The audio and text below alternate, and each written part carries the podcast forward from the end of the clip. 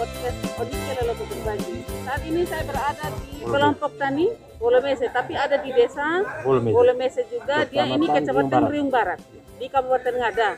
Kami sebetulnya di sini lagi melaksanakan BIMTEK, ya BIMTEK pendampingan kepada petani eh, dari lima kelompok dari lima desa yang ada di sini di Riung Barat ini. Ya, mereka adalah kelompok tani yang akan menerima seribu ekor sapi yang akan dibagikan ke lima kelompok sehingga nanti satu kelompok akan dapat juara mendapatkan 200 ekor.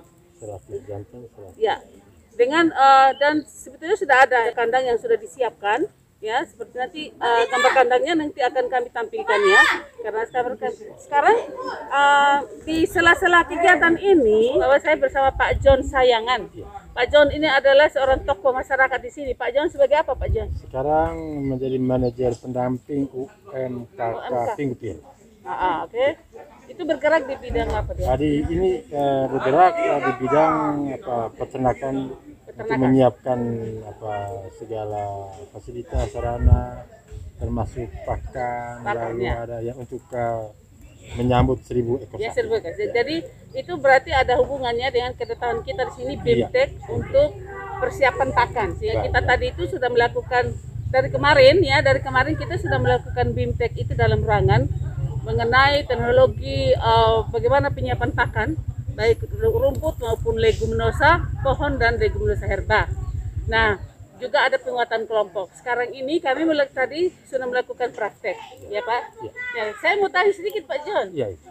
Ini kan ini, ini bukitnya sebenarnya bagus ya banyak rumputnya, tapi saya lihat ada yang hitam-hitam tuh di sana, ada yang bekas-bekas hitam juga, tapi sudah ada yang tumbuh-tumbuh baru. Itu sebetulnya apa yang terjadi?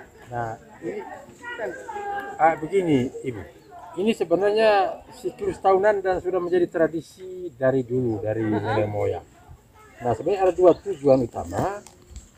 Eh, mengapa warga di sini ada kebiasaan untuk bakar hutan? Bakar. Itu ya hutan padang. Padang, padang rumput, padang ya. savana dibakar. Bakar. Dan bakarnya itu biasanya pada awal musim kemarau. Biasanya bulan eh, Juli, Agustus, September sampai Oktober. Coba, coba, coba. Mereka melakukan bak- kebakaran dulu. Ya. Tujuannya apa? Tujuannya pertama, dulu di sini ada namanya tradisi berbudaya eh, berburu adat ibu. Berburu ada. Ya itu eh, satu minggu setelahnya. Nah itu ada tempat termasuk di sini adalah namanya tempat berburu karot. Berburu karot. Yang namanya napak karot. Artinya salah satu tempat satu hari itu khusus di wilayah ini. Ah, Nah masih ada eh, beberapa wilayah lain.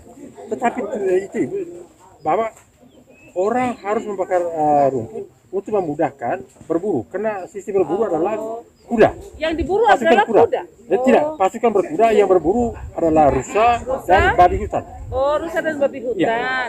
Sehingga dia, mereka harus Harus dibakar sehingga memudahkan orang untuk mengejar babi hutan dan rusa menggunakan kuda. Nah, Dan sarananya adalah tombak. tombak. Nah, itu pertama, saran pertama. Lalu yang kedua, karena eh, kebiasaan orang di sini adalah melepas hewan ternak di padang, savana. Jadi mereka harus membakar supaya rumput ada yang baru. ah, jadi ada ada sumber pakan bagi ternak. karena Nah, yang dibakar itu rumput kering Rumput ya. kering yang dibakar. Oh, rumput kering sehingga itu dia bisa tumbuh rumput Tumbuh baru lagi seperti baru, itu ya. seperti ini, Itu ya. sudah bisa uh, dipakai. Kita lihat ada satu kuda di sana ya. Ya, ya, ya. Dia bisa memanfaatkan. ya, ya. Begitu. Jadi ketika misalnya eh, Oktober, November, Desember rumput sudah mulai tunas baru, hewan-hewan waktu itu dibiarkan di Oh, di padang. padang. Di padang. Karena sistem pemeliharaannya Sistem- kan masih berlepas Masih tradisional lepas. masih Iya. tradisional gitu ya. Oh, gitu. Jadi oh, jadi ada dua makna dari Dua makna. bakar padang, Padang ini. Satu tadi untuk uh, urusan berhubungan dengan tradisi ya budaya ya. Kemudian yang kedua ini adalah dari ada teknologinya. Iya, iya, Ya iya, kan? iya, iya. Teknologi supaya dia bisa menghasilkan rumput baru ternyata. Jadi kalau kita melihat ya di sepanjang jalan nanti itu di daerah ini mulai dari sini sampai ke kita masuk ke daerah Bajawa mungkin sana ya Iya. di kota mungkin kita akan melihat ya akan melihat uh, keadaan seperti ini ini sebetulnya seperti dijelaskan oleh Pak John bahwa ada dua alasan mengapa harus melakukan tapi di situ tidak ada tanaman-tanaman lainnya yang di apa yang jadi korban tidak ya Ah, tidak ada, paling itu savana saja. Itu memang dari tanah ke tahun.